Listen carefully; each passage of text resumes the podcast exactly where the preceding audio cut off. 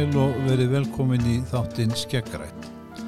Hjá mér er Þórei Ólöf Gilvardóttir, en hún er lektor við Landbúnaðarháskóli Íslands, en uh, undirritaður heitir Áskell Þórisson og ég sé um þáttinn Skeggrætt hjá Bendablaðinu. Þórei við hæfum þennan þátt á því að þú segður okkur aðeins frá þér sjálfri og þá ekki síst hvernig stóða því að þú hefur helgað landbúnaðar rannsóknum stóran hlut af þínu lífi. Já, takk. Um, ég var mikið alin upp í, í sveit hjá um og afa í rauninni og var þar öll sömur alveg til 19 ára aldurs.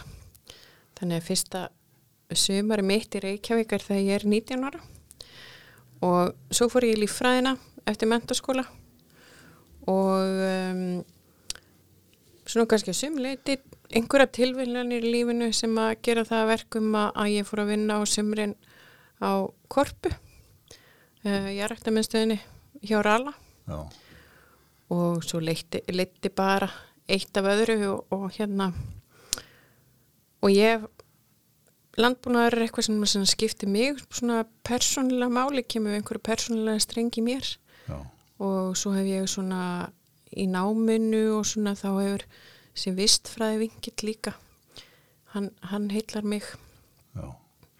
Þú veist undir sagt að einhver tiltekin kennari í skóla hafi haft áhrif að fólk þar að segja hvaða stefnu það tók í lífinu er einhvers líkur í þínu lífi?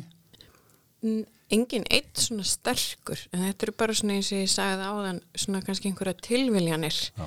sem að gerast og það var Hlinur Óskarsson ég voru reyðu upp dæna hann komi mitt og var með svona stakan fyrirlestur í líffræðinni. Já. og það svona kannski tengdi mann við ralla, mann fór að gera sig grein fyrir því að, að það var eitthvað til eh, sem hétir ralla og, og hérna það veri verið að gera einhverju spennandi hluti þar. Já. þannig að þá fór henni kannski að, að hérna svona kynna mér það aðeins Segjum við svo steipum okkur bara beint yfir í öðna, hér málmálana hvernig erum við stödd í landbúnaðar rannsóknum á Íslandi og berum okkur sama þá við nágranna löndin? um, ég held því miður að við séum ekki vel stödd. Ef við og ef við erum að byrja okkur saman við nágrannulöndin líka að mörgum þáttum. Og það kannski bara er að sumi leiti vegna smæðar okkar við erum fá í þessu og því að rannsóknirni náttúrulega það er kosta peninga og, og hérna það er mjög erfitt þegar maður er bara alltaf með litla hópa eða þegar hóparnir er rauninni samastanda og kannski bara fáum einstaklingum því þá er það með einhverja um, sérþekkingu og þá kannski fyrir að vanta sérþekkingu inn í hópana og samleðar áhrifin þau verða ekki eins mikil eins og hjá um, starri hópum, starri stofnun út í löndum líka og þetta líka er þannig að þetta rannsóknir kosta peninga Ó, og það verður að um, koma peningar inn í kerfið til þess að sé hægt að stunda góðar rannsóknir. Að nú er landbúnaðar síðan er svo einföld atvinnugrein. Nei, hún er það alls ekki nefnilega og, og hérna þarna komur náttúrulega saman í rauninni ymsir þættir og við getum talað um, við erum að tala um við getum talað um framleiðinni í þessu sambandi, við getum talað um matvælauriki og við erum að tala um sjálfbörni og svo koma saman þarna margi þættir. Og, og hérna og svo líka og það er kannski ekki við erum líka hérna mikið að gleyma við náttúrulega í Íslandi það er þessi umhverfstættir sem koma inn í sem hafa náttúrulega mikil áhrif á allt og en til þess að geta brúðist við þessum umhverfstáttum að þá verðum við að hafa vittnesku um það hvernig við getum aðlaga okkur að þeim. Og við verðum að hafa næja vittnesku um efniviðin sem við verum með hvort sem það er jarðaugur eða plöntur til þess að geta brúðist við þessum mismunandi umhverfstáttum hvort sem við getum líka kallað um, tala um loftlagsbreytingar sem einhvers konar umhverfstátt en þá verðum við að vita, við verðum að þekkja við verðum að þekkja nóg vel til þess að við getum brúðist við ef það verða breytingar þú semt leikur áherslu aftur og aftur á þekkinguna. Já, hún er númer 1, 2 og 3. Við verðum að þekkja þar sem við erum með í höndunum til þess að geta, getur við sett, kemur upp svona eitthvað rannsóknar eitthvað svona meðhendlað eða semst brúðist við með réttum hætti eða sem réttustum hætti. Og smæð og, og, og fáir einstaklingar uh, leiða kannski til þess að við höfum ekki afláða okkur nægra þekkingar til þess að takast á við framtíðina. Já, ég tel það. En uh, sko nú líka rannsóknir á, á náttúrundi, þær taka tíma, mikinn tíma. Er fólk, uh, já þeir sem að láta peningana af hendi það er það ofnbæra í flestum tilvægum er mér svolítið óþólumur og skilji ekki alveg þess að þetta langa tíma sem marga rannsóknir taka.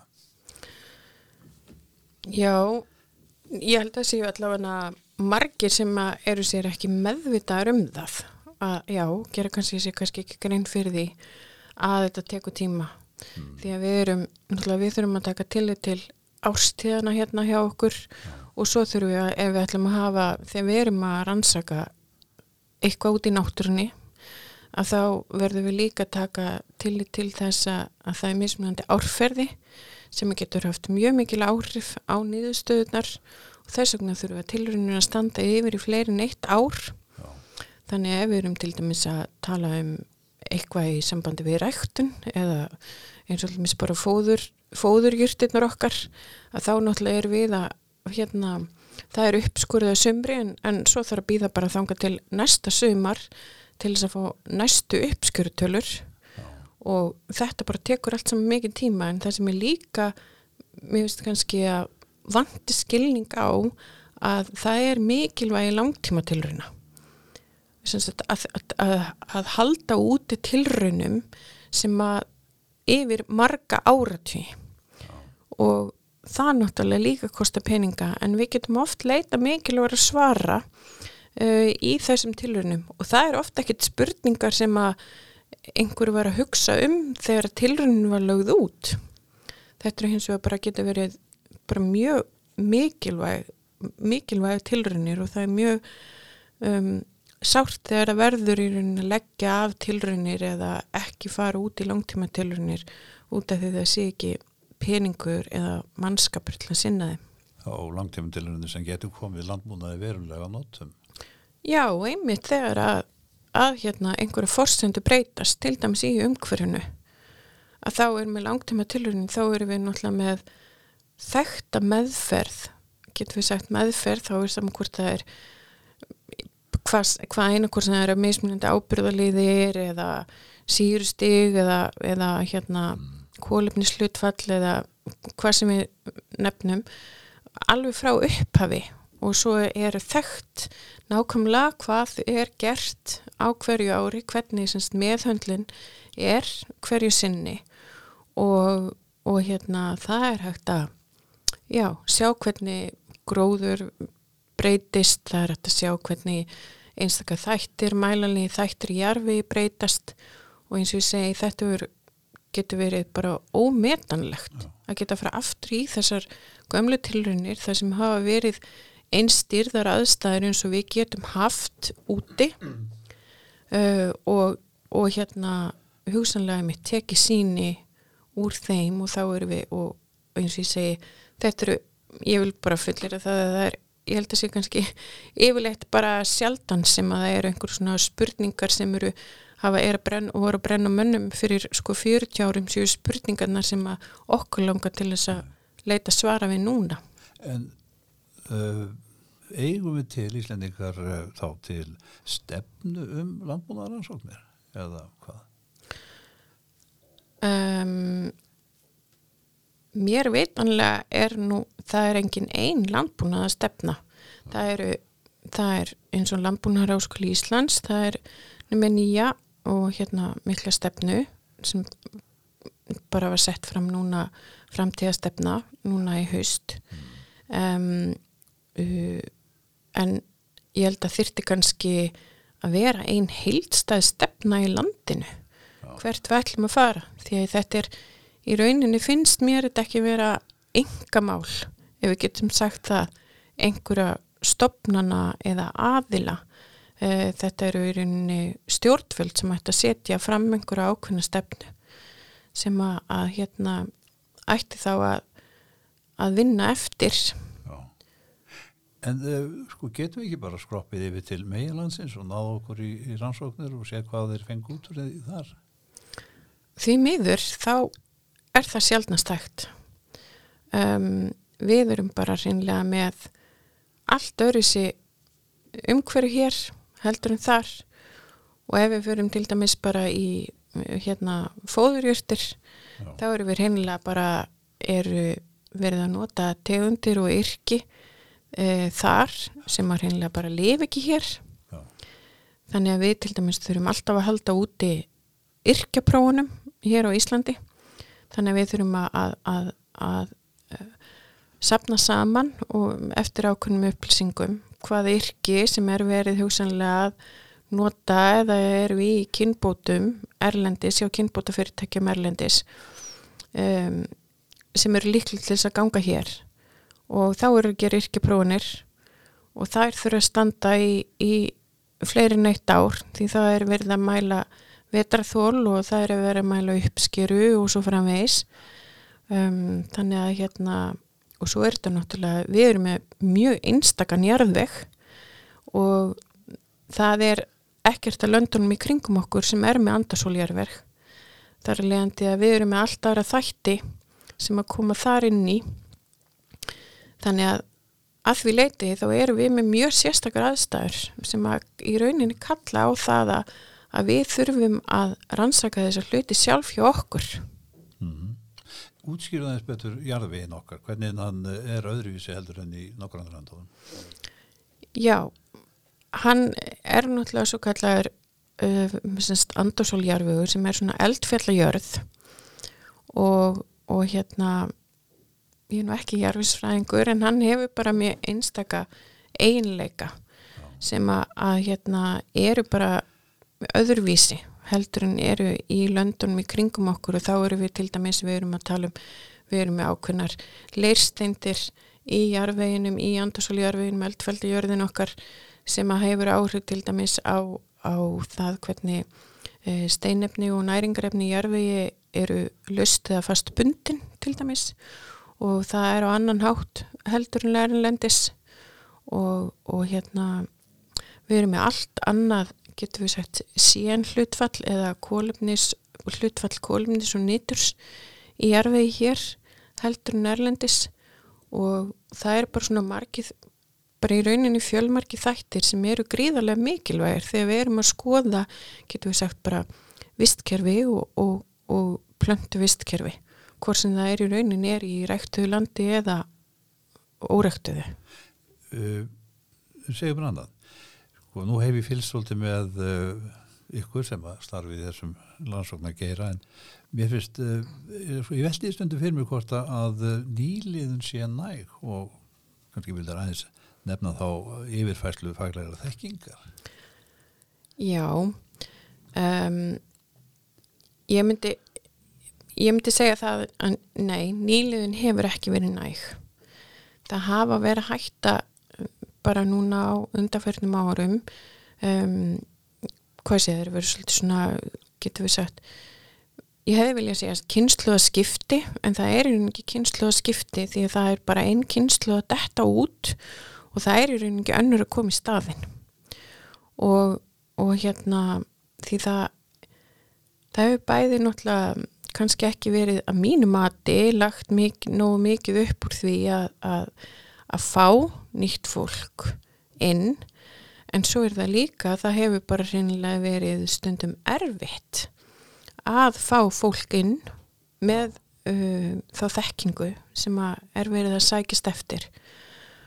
Og það er alveg rétt að svona yfirfærsla þekkingar er gríðarlega mikilvæg og það getur bara haft mjög eh, mikil og slæm og stundum langvarandi áhrif í rauninni á fræðin ef það verður sé, mikið gap þarna eða bil á milli frá því einhver hættir með tiltakna þekkingu og þángar til að það er komin einhver annar inn með sem sagt svipaða er sambarlega þekkingu og það er náttúrulega bara alveg afskaplega slæmt.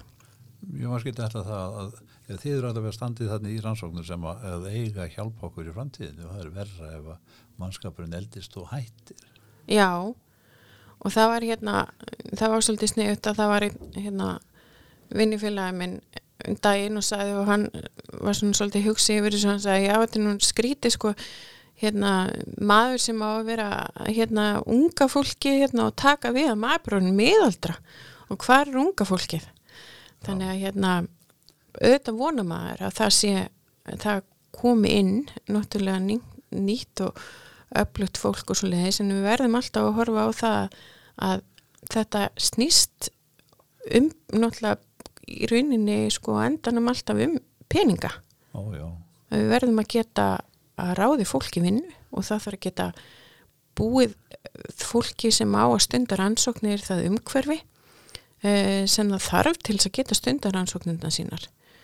Og, og hérna og eins og ég segi og það verður að vera svona um, ákveðin fjöldi eða eins og maður segir svona bara massja fólki til þess að það sé þessi samlegar áhrif og til þess að þetta hérna ganginu vel og það maður stundum verið að leita ráða erlendis þegar maður hefur erlenda tengingar og maður segja já hérna getur við maður að skrifa tölpústa eða eitthvað svo lesbyðum hérna aðstu já hvernig gerir þið nú þetta hérna hjá ykkur?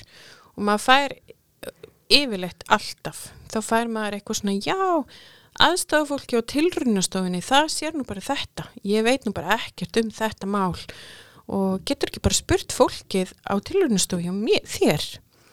Og þá stendi ég upp á stólunum og, og hérna lappa fram á gang og, og þar er bara eiginlega ekkert fólk sko ánefni tilrunastofi og svona mætti líka oft tala að fólk er svona það er, þannig að það er oft mjög erfitt að það eru svona fáir Já. Já, ég skil það. En nú fjölgar íbúin jarðarstöðut og það þarf að búið til meiri mat á, á miklu minnalandi og talandum peninga þá er núna vinsalasta mótilega beina fjármundilega rannsókna í gegnum svo kallaða samkeppnissjóði. Segðu mér aðeins kosti og galla á þessum fyrirkomulagi. Já, samkeppnis samkeppnissjóðir, þeir náttúrulega eh, eiga að vera semst, og eru settur upp þannig til þess að tryggja gæðir ansókna þannig semst, að, að það sé sendarinn umsóknir sem, sem séu yfirfarnar og gæði þeirra umsókna og rannsókna sem á að er verið að sækjum fyrir til þess að, að framkvæma uh, eru í rauninni getur við sagt bara flokkaðar eftir gæðum e, það sem, og það er bara mjög gott. Og yfirleitt hérna, eins og hérna rannís hérna á Íslandi þá eru tveir sérfræðingar sem fari yfir hverja rannsókn og þá að vera sérfræðingur því sviði sem er verið að sækja um peningi rannsókn í. En hins vegar það sem er mikið vandamál með samgefnisjóðuna það er það að það er ekki nekt fíi í rannsóknarsjóðunum þannig að það er svo látt hlutfall af umsóknum, umsóknum sem að fá styrki.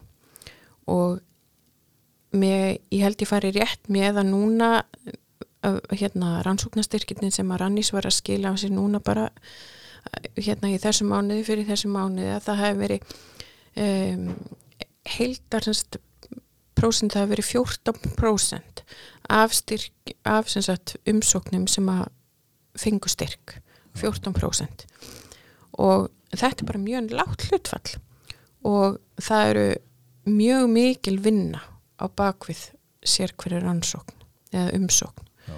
og þannig að það er búið að leggja mikla vinnu í þetta sem að kannski svo einmitt ber ekki árangur. 14% skorun hlutfall ef við getum orðað þannig að það er ekki hátt Er þá fólk að sækja um árættir árum peningi í sama verkefnið? Já, oft er það þannig og það þykir rauninni bara eðlilegt í þessu umhverfi að það er fyrir ykkur óvenjulegt ef að, ef að hérna, fólk fær styrki verkefni fyrsta árunnu sem það sækir um. En fyrir ekki, getur þetta ekki leitið þess að ímisverkefni sem eru landbúna er mjög mikilvæg að þau fáist ekki, fæst ekki penningur í þau að landbúnaðurinn líði fyrir þetta kerfi. Ég held að sé kannski hægt á því að rannsóknir tengda landbúnaði sem eru svona um, eru mjög hagnýtar eða, eða tengjast svona bara eru mjög mikið, já, grunnrannsóknir á einhverju sem sagt að það já, það geti liði fyrir það. Því að, að hérna það eru náttúrulega gerðar það eru gerðar mjög miklar kröfur til ímissa þátt að í svona umsóknum í, í samkeppnisjóði og ég er ekki að segja það að það séu minni kröfur sem að, að hérna grunnrannsóknir að hagnýttar rannsóknir þurfa að ganga eftir í gegnum eða sem sagt standast en þær eru bara öðruvísi, þær eru bara annars eðlis Já. og það bara getur verið svolítið snúistundum að sitja þær inn í þessa pakka eins og, eins og hérna þarfstundum Þú hefur að lesa mér aðeins tilvarandi uh, loslagsmálinn og þá vakna til dæmis spurningin um stöðu þekkingar og rannsóknir varandi kólefnisbindingu í ræktunarlandi. Er hvað vitað um það? Um, þetta er eitt af þeir, þeim rannsóknum sem að, að hérna vantar Já. hér. Og, það, og þar að leiðandi þar segja okkur vantar þekkinguna þarna. Og það er í rauninni mjög bagalegt núna að við höfum ekki þessa þekkingu og, og þessar upplýsingar Mm. kannski fyrir ykkar og, og hérna það bara er mjög mikilvægt að afla, þessar upplýsinga og já, þannig að það er rauninni hægt að nefna þetta, þetta sem sagt að með kól, kólumninsbindingi í rættilandi sem svona er ansóknir sem að hafa ekki verið gerðar en hefði vissulega þurft að hafa farið fram Annað uh, er bútæknir rannsóknir. Ég minnist þess að fyrir uh, allmörgum árum síðan þá voru viðamekla bútæknir rannsóknir upp á hvanneri. Þær eru ekki lengur til eða hvað? Nei, því miður. Og, og það er bara það er mjög vond því að rauninni landbúnaður framtíðarinnar hann er mjög tæknivætur og, og hérna í bútækninni að þá eru náttúrulega oft mikla breytingar á stuttum tíma. Og það er að koma fram uh, búnaður og tækni sem að eru mjög mikilvægur í því að hvað sé að gera mönnum kleift að stunda landbúnað á sjálfbærari hátt. Svona meiri nákvæmins landbúnaður og, og, og svo leiðis og þannig að það er bara mjög bagalegt að það séu ekki stundaður bútæknir rannsóknir lengur. En það er náttúrulega eitt af þessum svona kannski rannsóknarsviðum sem að er kannski erfiðar að fara með svona þá það er ums, umsóknir inn í samkefnisjóðu um þá svona grunnþætti sem að við kannski er bara samt mjög mikilvægt fyrir okkur að vita Nú er ég ekki að vandræst að vélarsölum ég hef vegna tilfinningum að, að upplýsingar um tæki og tól komi nú orðið fyrst og fremst frá þeim sem er að selja tækin. Já, nú þekki ég þetta kannski ekki, ekki, ekki sérstaklega en um, ég, og ég er ekkit að lasta sölumenn vila eða, eða aðra sölumenn en það er það er aldrei gott ef að það er þannig Nei. því að, að hérna uh, sölumenn eða þeir sem er að selja sína vöru þeir eru náttúrulega bara með önnu markmið heldur en, heldur en hérna heldur en kannski já, getur við sagt rannsóknar niðurstöður Já. Já, ég skilði það. En uh, við kemum aftur að framleysla mat fyrir fleira fólk og dagmarkaður í auðlindum. Er ekki lokamarkmið það að, að landbúnar verði eins umhverjusvæn og sjálfbær og kostur er? Eða getur íslenskur landbúnaður nokk til án orðið sjálfbær? Já, ég held að, ég held að það sé engum blöðum um, um það að fletta að íslensku landbúnaðar getur auðvitað sjálfbær og þetta var eitthvað sem við náttúrulega erum að stefna að en við ættum að það veri mér er afskaplega skemmtilegt. Uh, ef það væri við getum svona um, farið upp úr öllum kössum eins og ég segi svona einhverjum hérna tilbúnum kössum og, og bara með það svona öll samilega markmið að, að gera íslenska landbúnað að sjálfbæra landbúnaði og mér prjóta persónulega finnst mjög skrítið að við séum í sem sagt hér á Íslandi með okkar landbúnað með uh, svona tvo kassa þegar við erum að tala um landbúnað í daglegu tali. Það er lífurætt landbúnaður og hefbundi landbúnaður. Um, ég held að við þurfum að nýta uh, tól og tæki úr öllum þessum kössum, tilbúinu kössum sem eru til uh, og til þess að með það markmið í rauninni að, að íslensku landbúnaður verður sjálfbar Já. við þurfum bara eins og við sagt hérna það þarf að nýta gott hvaðan sem það kemur. Hættar kannski að horfa á til dæmis magn afurð á.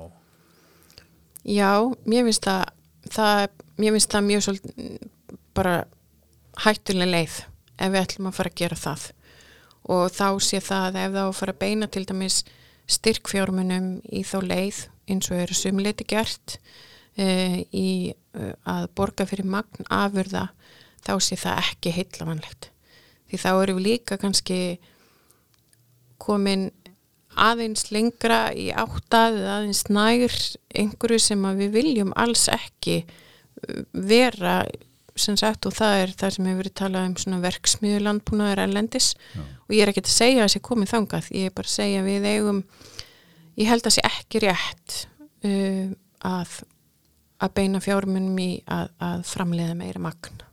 En þú hefur líka sagt einhvern tíma að, að það kemur bestur í heldin að, hámarka alltaf að mann er að skoða það fyrir ekki hvort að það komi alltaf best út að hámarka alltaf alla framleyslu Já, mér finnst það að við höfum líka skoða það í þessari bara vegförð okkar að, að hvort að sé að rétt að vera að hugsa það að vera alltaf að sitja meir og meini, meira inn í kerfin til þess að fá meir og meira út úr þeim.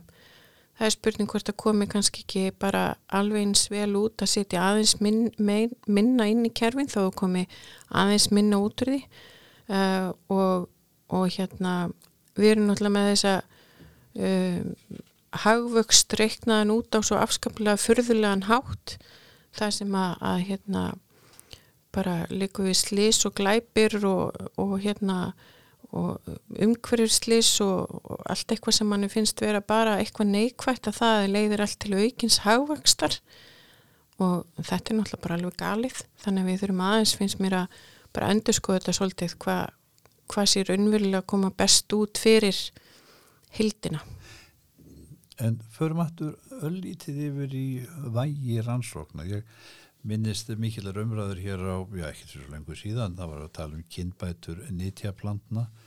Þetta er endalus baróta. En gerum við nú mikið á þessu sviði? Með kynbætur? Já, með kynbæ, kynbæta og nóta erðateknina. Já, sko við hérna á Íslandi, við ekki, við höfum bara ekki það umfangs eða sem sagt